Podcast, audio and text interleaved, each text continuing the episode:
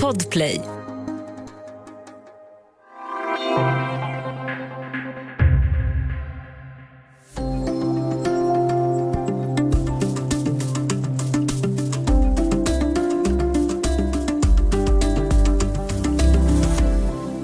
Viruset är på tillbakagång. Efter ett och ett halvt år ser det äntligen ljust ut. Utom för de som fortfarande lider. För det är allt fler studier som pratar om post-covid. Du lyssnar på Studio DN och jag heter Augustin Erba.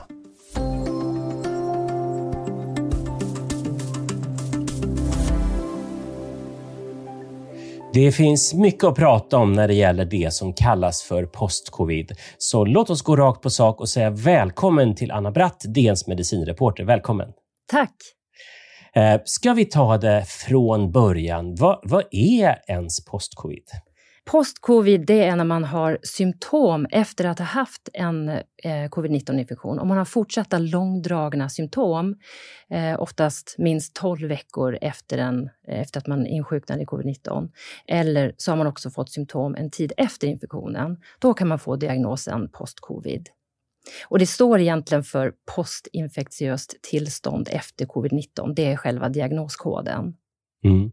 Eh, och eh, och som, som eh, de regelbundna lyssnarna av, av Studio DN vet så, så, så, är vi ju petiga med vetenskapen här eh, och försöker ju ofta liksom sålla från så här, vad vet man och vad vet man inte? Och då eh, när du beskriver eh, postcovid så här, då, då, då, får jag känslan av att, att det är Eh, det är ett gäng symptom som man, eh, som man kikar på. Har jag, har jag förstått det rätt då? Ja, det stämmer. Det är liksom inte, det är inte en sjukdom eller en, ett tillstånd, utan det är som ett, som ett samlingsbegrepp för en lång rad olika symptom. Ja, och, och, och, det, och det leder mig till, till, nästa fråga här. För att en av de sakerna som, som, som har varit uppe för diskussion eh, och eh, Hanne Kjöller till exempel på Dagens Nyheter skrev en, skrev en, en krönika som väldigt många reagerade på, där hon insinuerade, nu kommer jag inte ihåg exakt hur mycket hon insinuerade, att, att det här skulle vara någon form av så här allmän inbildningssjuka som, som ju finns eh, när det gäller andra sjukdomar. Eh, så hur vet man ens att det här är ens existerar detta?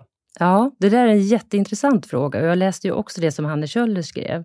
Och eh, ja, alltså att man vet att det existerar, det gör man ju genom att man gör olika undersökningar i kroppen och då visar de på olika avvikelser. Man kan göra röntgen, eh, ja, magnetkamera, olika funktionstester. Och de visar ju faktiskt att, att det finns eh, avvikelser, alltså sånt som inte borde finnas eh, i kroppen.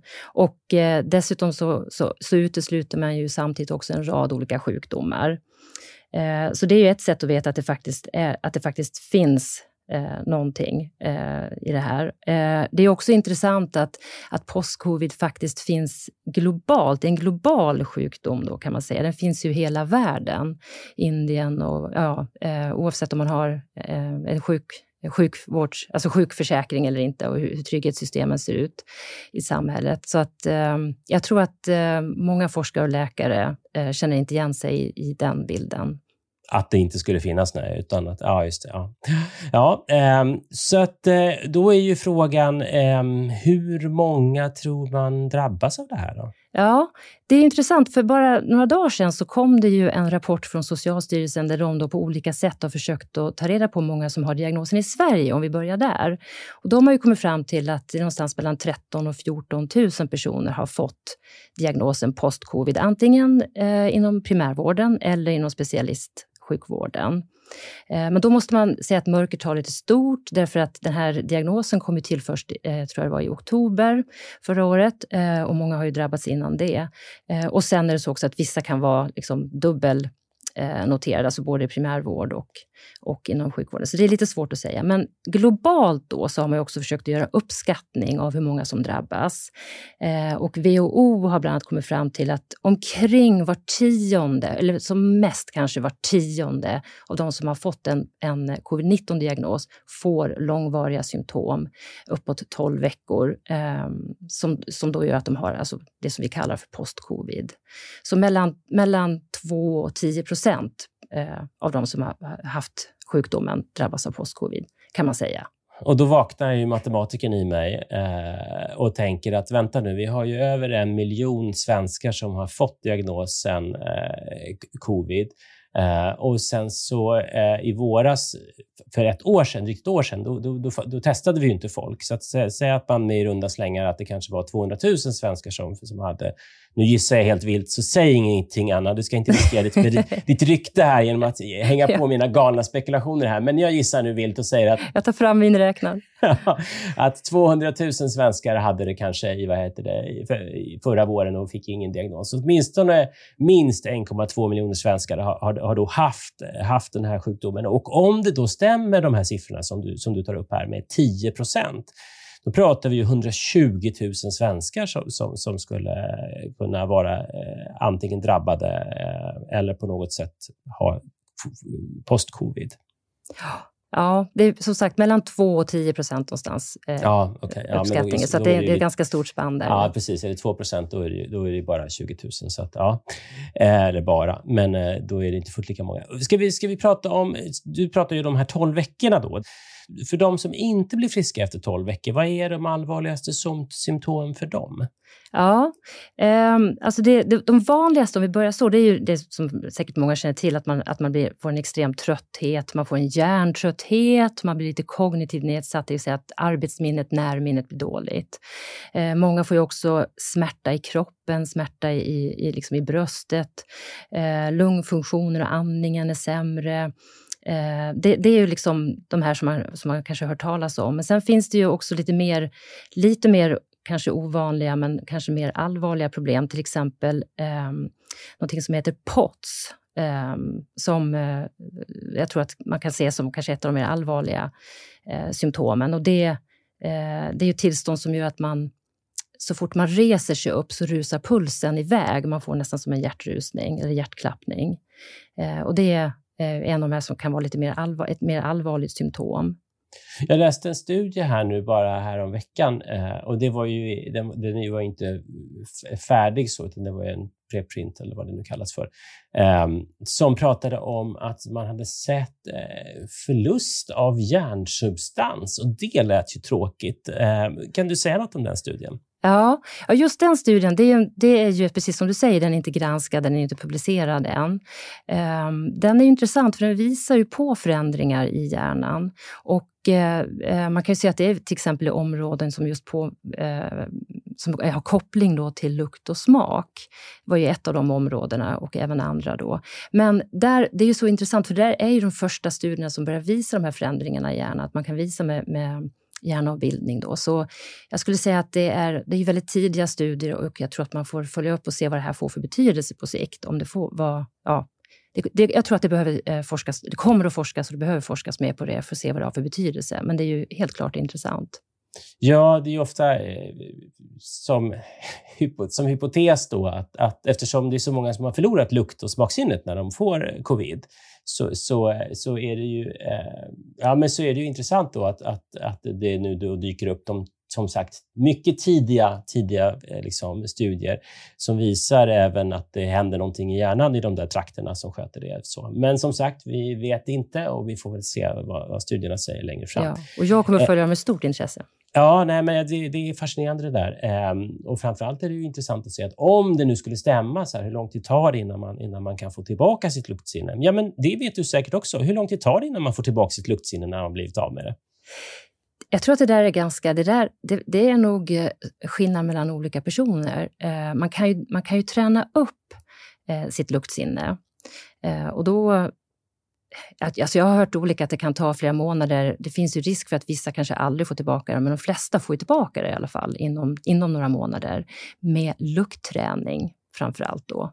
Luktträning säger du. Ja. Vad, vad är det? Ja, eh, det är att man helt enkelt eh, det går till så att man ett par gånger om dagen luktar kanske 15-20 sekunder på en fyra, fem olika ganska statiska lukter, eller man ska uttrycka det. Helst inte chilipeppar och sånt som kan reta näsan, dem, utan lite mildare. Kanel. Ja, jag, jag kan inte göra exempel just nu, men att man gör det två gånger om dagen. Eh, och så håller man på så. Eh, så, så, att man, och så när, man, när man luktar så ska man liksom föreställa sig hur det luktar. Då tränar man, liksom, tränar man upp luktsinnet igen. Och eh, det finns en, eh, väldigt intressant sajt. KI, Karolinska institutet, har en sajt som heter Luktträning. Där, om man söker på luktträning och Ehm, Karolinska institutet så hittar man den. Då kan man läsa mer hur man kan gå tillväga. Jag, ska, jag tror faktiskt att man kan lugna de flesta med att det är övergående för de allra, allra flesta. Mm. Ja, träna på, träna på näsan. Det är roligt det här att, att så många saker här i livet som man tar för givet är saker som faktiskt går att träna upp. Det tycker jag, det tycker jag är fascinerande. Vi kommer snart tillbaka. Då ska vi prata om när du borde gå till doktorn med dina problem och vad post-covid faktiskt kan bero på. För det finns flera teorier.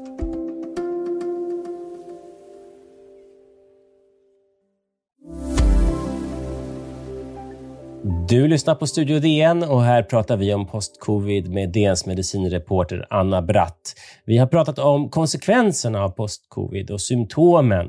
Eh, men då är ju frågan, när, Anna, ska man gå till doktorn med de här symptomen? Ja, alltså jag... Eh, när, när man känner att man inte fungerar i vardagen, att man får så mycket problem att vardagen inte fungerar, att man får nedsatt, så pass nedsatt funktion, eh, att man inte får vardagen att gå ihop, då tror jag det, då, är, då är symptomen allvarliga och då ska man ju söka läkare.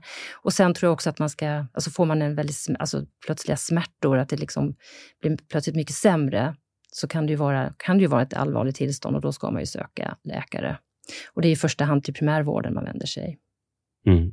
Ja, men det är lite grann som det, det, jag tycker att det är återkommande när man har kontakt med sjukvården, att, att det är det här om det begränsar ditt, din möjlighet att leva ett normalt liv eh, eller det liv som du har levt hittills, då behöver du söka, söka hjälp. Så, eh, så det är väl ett gott råd. Så om du som, om du som lyssnar känner så att, att du inte har, har fått tillbaka det som du egentligen behöver för att kunna ha ditt normala liv, så kan du be om hjälp. Eh, ska vi nu gå på... Vi har pratat om konsekvenserna. Låt oss försöka gå till botten med vad post-covid beror på. Anna, vad har du att säga om det? Ja, eh, man kan säga att forskarna ser tre möjliga förklaringar till postcovid, vad det är eh, som förklarar vad som händer då biologiskt. Och det första är då att det är en fortsatt virusinfektion i kroppen, det vill säga efter den här akuta covid-19-sjukdomen så fortsätter viruset att, att det stannar kvar i kroppen, kanske låggradig virusinfektion som kanske kom, som blossar upp. Ehm, den, det andra spåret det kan vara att viruset då orsakar olika förändringar i immunsystemet som gör att immunsystemet helt enkelt vänder sig mot kroppen istället. Att antikroppar då helt enkelt attackerar den egna kroppen. Det är det andra spåret. Och det, den tredje förklaringen skulle då kunna vara att, att viruset, eller det ser man ju, att viruset då orsakar vävnadsskador i kroppen, till exempel på lungorna. Och i, i, i en del fall så är det ju en kombination av alla de här tre som, som eh, kan ge postcovid hos vissa patienter. Men det är väl de, det är väl de tre liksom, huvudspåren man ser. Mm. Eh, det, det, där, det, det, är, det är väldigt fascinerande det här med, med um, om jag nu, nu tänker jag kalla den för den, den ny, det, det, nya coronaviruset, eh, som vi kallade det för för ett och ett halvt år sedan, då vi pratade om det. För att, för att coronavirus det är samma virus som, som orsakar förkylning. Eh, och och eh, man undrar ju, så att säga, för vi har ju alltid, eller i alla fall de flesta av oss, har ju betraktat förkylningsvirus som ganska oskyldiga. Eh, ja, ja, det är lite förkylning så. Eh, och så har man någonting som Eh, och jag menar, I vissa fall så är ju covid inte värre än en vanlig förkylning för väldigt många. Och så har det ändå så allvarliga konsekvenser. Eh, vad tror du att, att eh, om vi tittar på eh, nu forskas det ju då väldigt mycket på, på de här coronavirusen. Hur kommer forskningen om post-covid påverka vår kunskap om kroppen och om förkylningar, tror du? Ja, det där är intressant. Um, det är ju så här, på något sätt så um, forskningen pågår ju eh, kunskapen byggs upp. Så, och vi är ju ganska tidigt stadium än så länge, så att jag tror att mycket får vi, vi, får vänta och se vad vi kommer att lära. Men till exempel så ser man ju då hur, ett, hur en virussjukdom då kan eh, ge upphov till en, en, helt ny typ av, eller ny typ, men en lunginflammation som läkarna aldrig hade sett tidigare, där, hur den liksom tog sig uttryck. Så att eh, jag tror att det finns, det finns mycket intressant kring ja, inför fram, fram, kommande, ska jag säga, kommande pandemier, eh, hur virussjukdomar faktiskt kan bete sig. Um, men jag tror som sagt, det, vi, vi får vänta och se vad vi kommer att lära oss av det här. Vi är mitt uppe i det. Mm. Ja, själv så hoppas jag att den här corona, att den här otroligt stora forskningsinsatsen som nu har varit kring vacciner och kring corona kommer leda till att vi faktiskt slipper ha förkylningar framöver för att de kommer att vara tvungna att hitta på någonting som, som täcker in alla varianter här. Det, det, det är vad jag hoppas på. Men hörru du, eh, ska, ska vi också, eh, nu när vi ändå har det här, ska vi, ska vi byta några ord om, om, eh, om det här som folk är oroliga för just nu då, de som, de som ännu inte eh, har vaccinerat sig fullt ut, eller de som har vaccinerat sig fullt ut, det här med deltavarianten. Det är folk som folk sitter och är så oroliga för deltavarianten och eh, i Storbritannien så ökar smittspridningen nu ganska raskt. Så, eh, vad, vad, är din syn på, på deltavarianten? Jag, jag, jag tänker så här, att eh, ska man vara orolig eller inte? Ja, alltså så länge vi har en smittspridning generellt i landet så ska man ju vara försiktig. Men tar man eh, båda vaccindoserna, oavsett vilket vaccin man får, så har man, och, och följer de allmänna rekommendationerna, då har man gjort vad man kan själv eh, för att skydda sig själv och andra. Och Det man ser är ju att efter den första dosen så har man ju, är det ju något lägre skydd mot just deltavarianten jämfört med de tidigare. Eh, men efter två doser så får man ett, ett, ett gott skydd, som myndigheterna kallar det. Då, men det, då får man ett tillräckligt skydd. Mm. En, av de, en av de sakerna som, som jag tycker, eh, och eh, jag passar ju på att be dig om hjälp här nu, nu när du ändå är här. En av de sakerna som jag uppfattar som ett missförstånd är ju att, att eh, eh, i de rapporter som vi får, till exempel då när det gäller deltavarianten ifrån både Israel och, och eh, Storbritannien, eh, så pratar man så här, ja, nu är det ett antal som har fått, fått covid. Men, men eh, det här att vaccin skulle hindra oss från att överhuvudtaget bli sjuka. Eh, hur är det med det? Alltså ett vaccin kan inte skydda oss fullständigt. Eh, så är det. Vi pratar ju om skydd på 90-95 procent eh, och eh, lägre. Och det betyder att det alltid kommer finnas några som inte får fullgott skydd. Så, så är det. Så fungerar ju vaccinen. Men om man tänker att vanligt influensavaccin som ganska många tar, då får, har vi ungefär ett 60 procent skydd. Och då kan man ju bli lite sjuk ändå Eh, men att man får en mycket mildare sjukdom. Det, det man får ett skydd mot med vaccinen, det är ju liksom egentligen svår sjukdom och död. Det är ju det det handlar om. Eh, så att jag tycker att man, eh, man kan känna sig ganska trygg bara man tar sina vaccin. Mm. Det här tror jag är, det, det är väl skönt att kunna ta med sig in i sommaren om du tar dina vaccindoser, eh, då minskar du risken för att du ska dö eller bli allvarligt sjuk. Men att du skulle helt och hållet slippa covid, det, det är någonting annat helt enkelt. Tack så hemskt mycket, Anna Bratt, medicinreporter på Dagens Nyheter, för att du redde ut vad postcovid är för någonting, vad det kanske beror på, eh, när vi kanske får reda på eh, vad det beror på och vad vi i så fall kommer kunna göra åt det. Och också kunde trösta oss lite grann här för de av oss som är oroliga för deltavarianten. Tack så jättemycket. Tack själv. Studio DN görs för Podplay. Producenter Sabina Marmelakai, ljudtekniker Patrik Miesenberger, teknik Jonas Lindskog, Bauer Media, exekutiv producent och också programledare idag. Det var jag, Augustin Erba. Vi hörs.